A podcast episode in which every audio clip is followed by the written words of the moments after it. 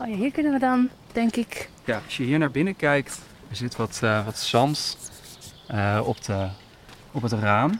Dan krijg je eigenlijk een glimp van, uh, van de keuken. En op de plek waar we nu staan, dus eigenlijk net achter het raam, daar zat een, zat een waterpomp. Dus er werd water omhoog gepompt. Ik ben weer in het Nederlands Openluchtmuseum in Arnhem. Waar conservator Tim Smeets mij het vakantiehuisje uit Warnsveld laat zien. Maar deze keer lopen we er niet doorheen. We lopen eromheen en kijken door het raam de keuken in. En uh, hier stond een, uh, ja, het was een vrij primitieve keuken. Er stond niet heel veel spullen. Uh, er was wel een uh, fornuis, een petroleumstelletje ook waar je kon koken. Er was natuurlijk geen elektra in het huis. En ehm, hierboven was een soort kast en daar stond emaille goed in, stonden blikken in.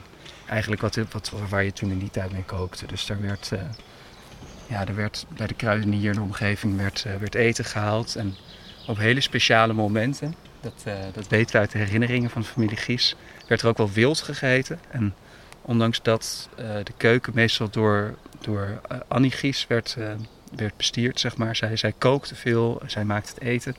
Dan ging vader Gies hier wild braden. Dus um, ja, het huishouden van de familie Gies was meestal een aangelegenheid van wel de vrouw. Maar de man die kwam dan soms langs, Fritsgies, om wild te braden. Zoiets moet je erbij voorstellen. Zonder het vlees aan te snijden. Oh, het vlees aan te snijden, ja, inderdaad. Ja. Zullen we nog even zo lopen? Ja.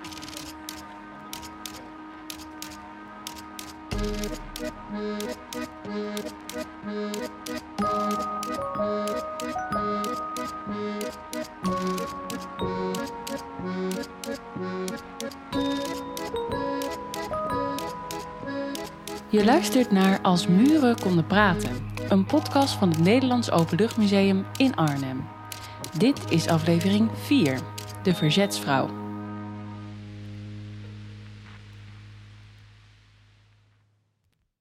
De vorige aflevering eindigden we in 1940, op het moment dat na zware gevechten in Zutphen de Duitse bezetting begint. Van de een op de andere dag verandert er voor de familie Gies niet eens zo heel veel. De ouders gaan naar hun werk, de kinderen gaan naar school en vader Frits blijft mensen helpen. Maar dat doet hij niet alleen. Ook moeder Annie gaat verzetsactiviteiten ondernemen. Aan conservator Tim vraag ik hoe dat precies zit. Het lastige aan Annie is dat we van haar eigenlijk betrekkelijk weinig weten. Dus uh, we weten van Annie dat zij, uh, dat zij een ijsbedrijf had. Dat zij een uh, bedrijf had dat, dat ijs kocht en dat um, door middel van bakfietsen eigenlijk via Venters werd aangeboden in Zutphen. En dat, dat, dat bedrijf stond op haar naam. Maar over, over Annie weten we eigenlijk vrij weinig. En Annie zorgde natuurlijk voor de kinderen. Maar Annie zorgde ook voor, voor uh, de mensen die, uh, die uit Duitsland gevlucht waren. Daar was zij nog steeds mee bezig. Want weten we ook of zij bijvoorbeeld ook socia socialistisch was? Daar weten we eigenlijk heel weinig van. Um, als je kijkt naar de, wat Indigies zelf schreef, of correspondentie die er is geweest, of uh, praktisch. Uh, we komen de familie Gies ook wel eens in de krant tegen dat ze bijvoorbeeld in de gemeenteraad in Zutphen een heel stevig betoog houden. Maar dan hebben we het eigenlijk alleen over de mannen van de familie Gies. En over de vrouwen weten we eigenlijk heel weinig. Weet jij wat voor vrouw Annie was aan de hand van het kleine beetje informatie wat je hebt gevonden? Annie Gies die kwam uit een uh, ondernemersfamilie, uit een Zutphense ondernemers, ondernemersfamilie. Ze, was, uh, ze, had een gezin, ze had, ze had dus twee kinderen met Frits Gies. En eigenlijk houdt het, houdt het spoor daar bijna op. We weten over haar persoonlijke leven, dus met wie ze omging, wat voor overtuigingen zelf misschien had, of wat voor, voor hobby's ze had, daar weten we eigenlijk betrekkelijk weinig van. En dat is, dat is heel gek als je, als je uh, met een geschiedenis bezig bent die eigenlijk vrij dichtbij is. Ook een geschiedenis bezig bent. Wij proberen vooral verhalen over, over gewone mensen te vertellen, over het dagelijks leven te vertellen. En als je dan in de archieven gaat zoeken, of, uh, nou ja, of ze misschien zelf iets geschreven heeft, dat is in dit geval helaas niet zo, kom je ongelooflijk weinig informatie tegen. En weet je wel hoe zij het huishouden bestierde in Zutphen en in Want Hoe ging dat in zijn werk? Zij, uh, zij was in zekere zin huisvrouw. En dat betekende dat ze, dat ze twee kinderen opvoeden. En dat betekende ook dat ze voor, voor het huis zorgde. Maar we weten ook dat zij een onderneming op haar naam had staan. Dat ijs, ijsbedrijf waar ik over vertelde. Alleen wat precies haar rol daarin is geweest, dat, dat weten we niet zo goed. Is dat bijzonder dat zij als vrouw een onderneming op haar naam had staan? In dit geval vind ik dat, vind ik dat moeilijk uh, te zeggen. Dat kwam wel vaker voor. Alleen het lastige aan, aan alleen dat stukje informatie is dat we niet zo goed weten hoe uh, ze daar invulling aan gaf. Of zij, of zij de onderneming aanstuurde, uh, of het alleen op haar naam stond. Um, uit de herinneringen van de familie zelf weten we dat zij daar niet, uh, dat zij meer met het gezin bezig was. En toen je mij rondleidde in het vakantiehuis, toen vertelde, vertelde je al, er is hier geen water en geen elektriciteit. Wat voor gevolgen had dat voor Annie, die daar dus nou ja, het hele huishouden draaiende moest houden? Ja, je had in, um, in, uh, in, de jaren dertig had je geen supermarkt. Niet een supermarkt zoals wij die kennen. En dat betekende dus dat, uh, dat, dat zij langs de verschillende kruidenierszaken ging. Uh, dat ze misschien naar de slager toe ging. Dat ze ook heel veel heen en weer gereisd moet hebben. dus zij had enerzijds dus de zorg voor de kinderen.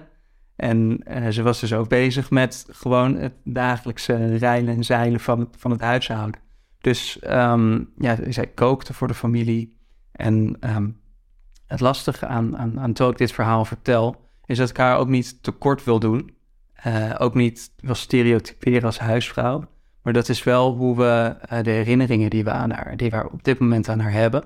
En ook de informatie die we bijvoorbeeld in archief over haar kunnen vinden. Dus we weten eigenlijk heel erg weinig van Annie. We hebben wel kleine herinneringen, bijvoorbeeld dat ze van, van opera hield.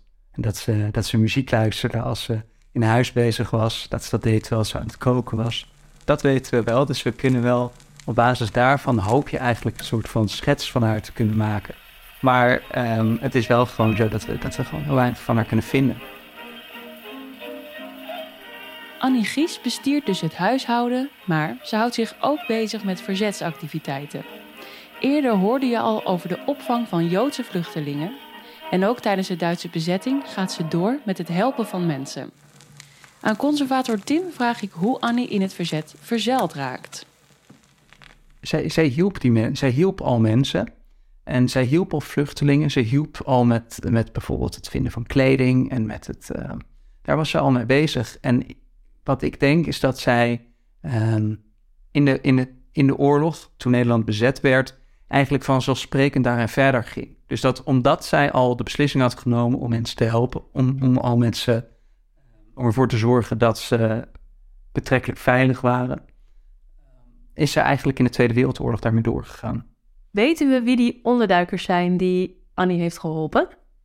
Ja, en dat weten we doordat uh, dat waren drie personen, een man en twee vrouwen. En uh, die man, uh, Erwin Joel, die zat daar samen met zijn, met zijn vrouw Anne en zus Ilse. En we weten dat, dat ze uit Keulen kwamen. Dus dat ze vanuit Keulen uh, naar Zutphen zijn gekomen.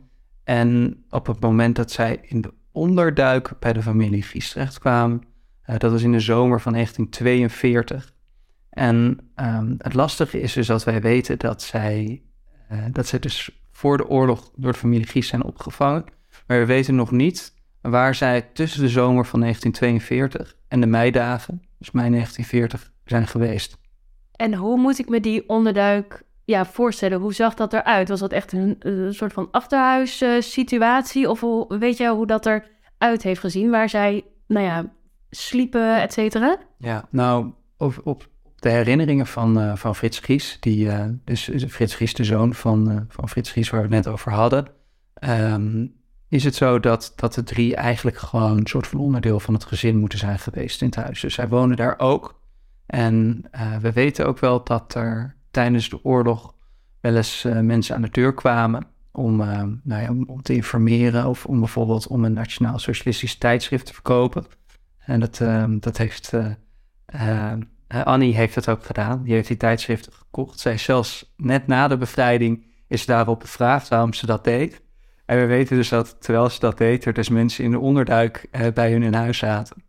Frits herinnert zich dat dat, dat dat dus gebeurde. En dat, dat, dat, ik weet niet wie van de drie, maar dat, of alle drie, dat, dat ze boven aan de trap stonden. En dat um, Annie Gies op dat moment ervoor koos. Ik weet niet wat, wat de titel van het blad was hoor, maar dat het dus wel om een nationalistisch, nationaal-socialistisch blad ging.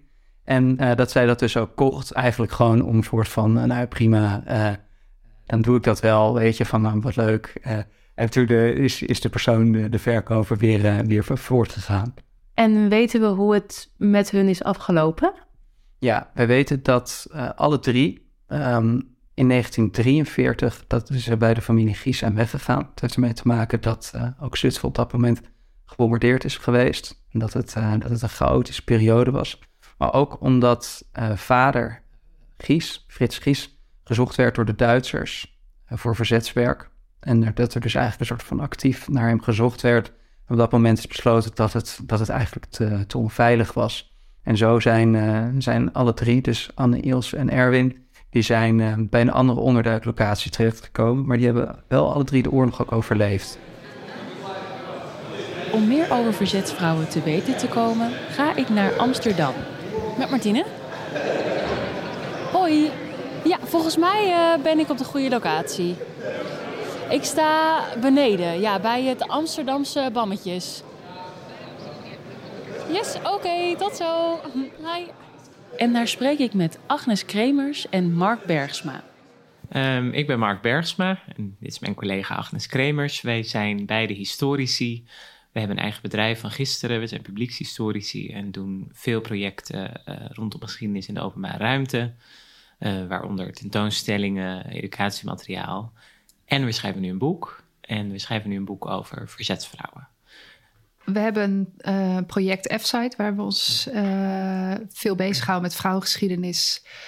Um, en dat doen we al een paar jaar. En we hebben daaromheen ook allemaal projecten gedaan. Um, en zijn ons eigenlijk daarin steeds verder gaan specialiseren. En ja, eigenlijk wat ons het meest fascineert zijn altijd die vrouwenlevens. Dus uh, in dit geval Tweede Wereldoorlog is, Tweede Wereldoorlog is heel interessant. Maar uh, wij raken uh, vooral heel enthousiast over kijken naar die geschiedenis van die vrouwen... die toch vaak onzichtbaar zijn gebleven. En dan denken wij, wat, wat is dan het verhaal daarachter? En dit is natuurlijk een hele spannende periode. En dan kijken we um, is voor ons heel interessant om te weten wat er in die vijf jaar met die vrouwen is gebeurd. En hoe doen jullie daar onderzoek naar, naar die verhalen van die vrouwen?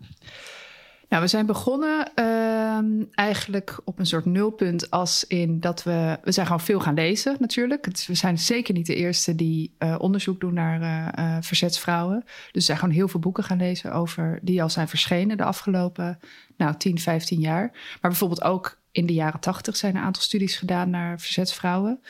Daar zijn we mee begonnen. En daarna uh, zijn we een lijst aangemaakt, gewoon voor onszelf... om steeds meer vrouwen op te zetten en kijken wat de verhalen zijn van die vrouwen. En, um, en die lijst werd langer en langer en langer. En dat was ook confronterend dat we dachten... we wisten natuurlijk wel dat we niet dan op twintig zouden uitkomen... maar dat dat een hele lange lijst zou worden. Maar wel dat je denkt, oh ja, dit, er zijn zo ontzettend veel goede verhalen. En we dachten al heel vroeg dat we wel al konden filteren. Dat we konden denken, nou, die is, die is goed voor ons boek en die is goed voor ons boek. Maar dat heeft een hele tijd geduurd, omdat je zoveel vrouwen tegenkomt... En daarbij ook veel vrouwen die in eenzelfde netwerk opereren. En je zegt al, die lijst wordt dus langer en langer en langer. Hoe groot is dat aandeel van vrouwen in het verzet in Nederland? Nou, ik denk dat er, dat er eigenlijk nog niet uh, ja, eigenlijk grootschalig onderzoek naar is gedaan. Er zijn dus wel een aantal studies, maar volgens mij zijn er gewoon geen cijfers. En die gaan wij ook niet aanleveren, want we zouden het wel willen, maar daar hebben we heel veel meer tijd voor nodig. En het vergt ook een heel ander soort onderzoek dan wat wij nu doen. Um, dus het aandeel is groot en eigenlijk um, op zich het begrip verzet is eigenlijk al vrij abstract. Van wat valt er onder verzet?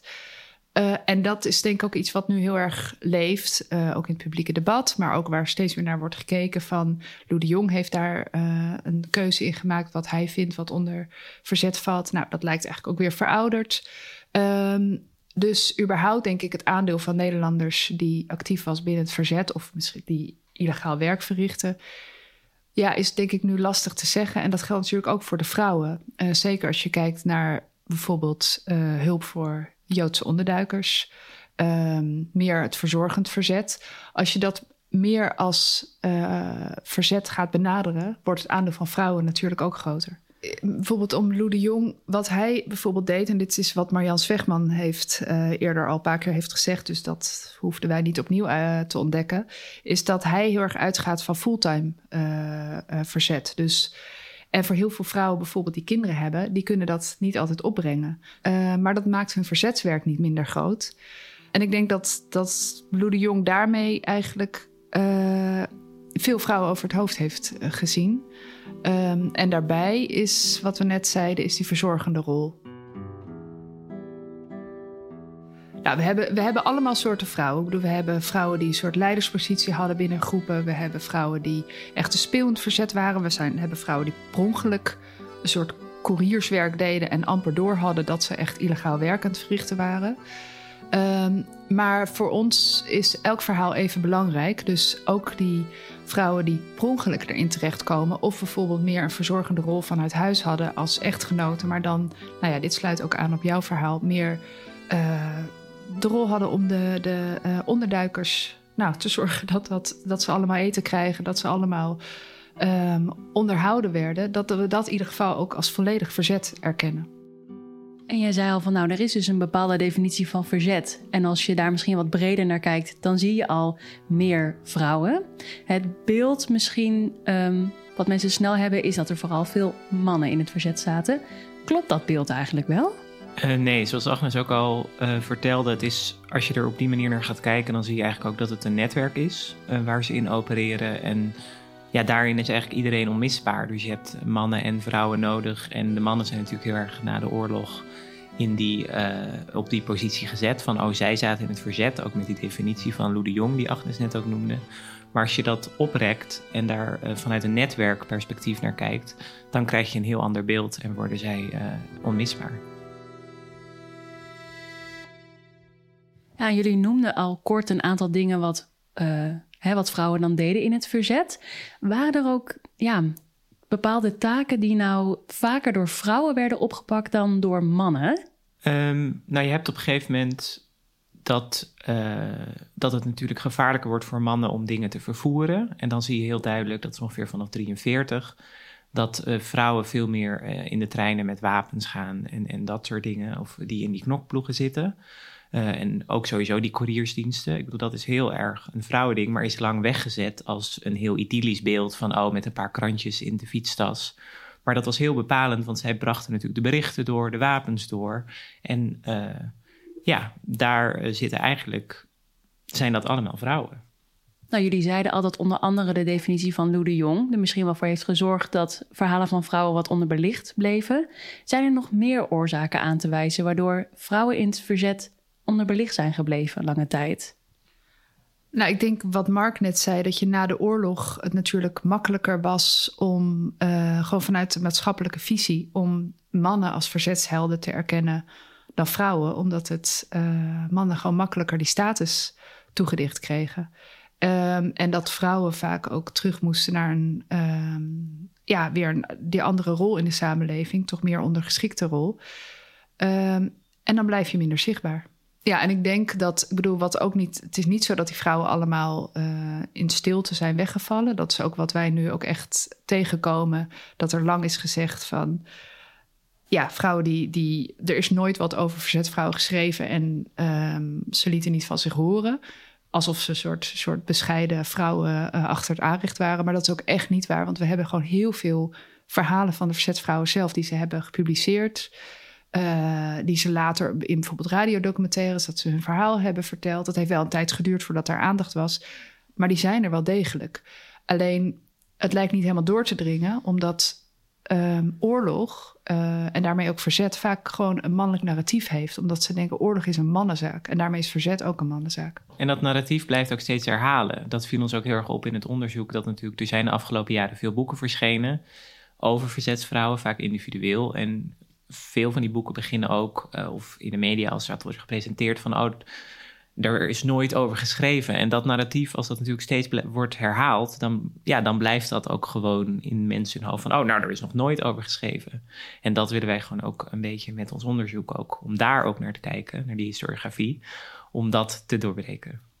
Ja, want inderdaad, als je er niet zo heel veel van af weet, dan lijkt het alsof er ineens heel veel aandacht is voor verzetsvrouwen. Maar jullie zeggen van nou, dat was er voorheen eigenlijk ook wel. Klopt het dat het nu toch meer is dan eerst? En hoe kan dat? Nou, ik denk, ik denk wel meer als in, ik bedoel, die, de hoeveelheid publicaties die nu verschijnen. Uh, ik moest vorig jaar een lezing geven. Toen ging ik dus kijken hoeveel publicaties uh, er waren. Ik bedoel, dat zijn er tientallen die de afgelopen 15 jaar zijn verschenen. Dus ik denk, uh, ja, ik denk niet dat dat altijd zoveel is geweest. dus er is. Ik bedoel, ik denk dat er sowieso meer verschuiving is, dat er überhaupt meer interesse is in, ehm, nou ja, een soort ander perspectief op de geschiedenis. En dat er ook vanuit, uh, ja, gewoon particulieren, dat er opeens dat mensen denken: hé, hey, maar wat was het dan? Wat was dan het verhaal van mijn oma? Wat was het verhaal van mijn tante? Dat het ergens in zijn familiegeschiedenis sluimert van. Ja, zij, zat, zij deed allemaal illegaal werk, zij hielp mensen. Maar dat het nooit zo is doorgedrongen van dat dat ook verzet was. En dat mensen steeds meer bewust worden dat dan, dat, dat eigenlijk een verzetsverhaal is. Ja, en ik dacht nog, daar zat ik over na te denken. Over, er is nu gewoon ook meer afstand. Dus er kan met een hele andere blik ook, er is meer afstand van de oorlog, meer afstand van die levens misschien ook. Dat mensen op hun zolder bepaalde archief in dozen tegenkomen en denken, hé, hey, hoe kan dit? En dan ga je er heel anders naar kijken dan dat je daar eigenlijk in opgroeit, eh, de verhalen wel kent. En dat komen we in ons onderzoek ook veel tegen, dat uh, zelfs al hebben mensen een bepaalde soort bewustwording van er, mijn opa zat in het verzet of mijn moeder zat in het verzet. Toch dringt het niet door en komen daarachter dat verhaal nog allerlei dozen met archiefmateriaal. Dus het is nu ook, we zeggen vaak wel, oh, waren we maar in de jaren tachtig om die vrouwen nog echt te kunnen spreken. Dan kun je natuurlijk nog heel veel informatie. Maar het is nu ook wel mooi dat er een soort afstand is en dat we daardoor wat scherper kunnen kijken.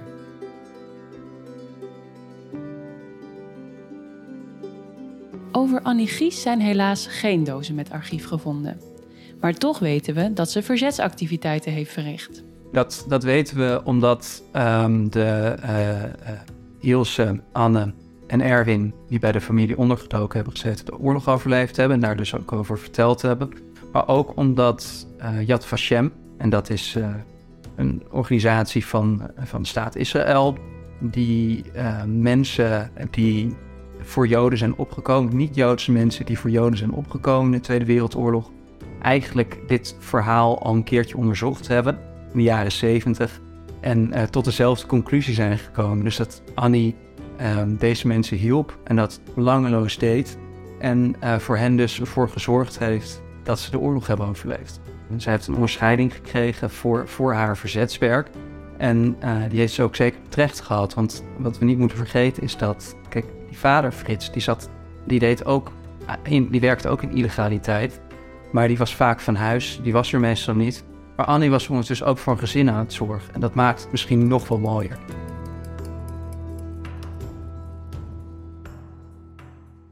En weet jij ook hoe het Annie is vergaan na de Tweede Wereldoorlog? Ja, uh, we weten dat uh, Frits en Annie na de oorlog gescheiden zijn van elkaar. En we weten dat Annie um, na de oorlog in de vakantiewoning is blijven wonen. Met de kinderen ook? De kinderen die hebben daar ook gewoond, ja. Dus toen werd de vakantiewoning eigenlijk een, een gewoon woonhuis? Ja, ja. Je hoort het al. We gaan naar het einde van de Tweede Wereldoorlog. Want na vijf jaar bezetting, waarin moeder Annie het huishouden bestiert, de kinderen verzorgt en onderduikers onderdak biedt, komt de bevrijding dan eindelijk in zicht. Maar gaat zo'n oorlog eigenlijk wel voorbij? Of blijft die voor altijd in je hoofd? Daarover hoor je meer in de volgende en laatste aflevering. Hiervoor zich wel eens, wel, wat lag je weer te, woe te woelen? Ligt daar mee aan de andere kant. Ik had soms uh, de hele nacht het idee dat ik pak, heb gereden. Ja, dat, de, het, het gaat nooit uit je. Nee.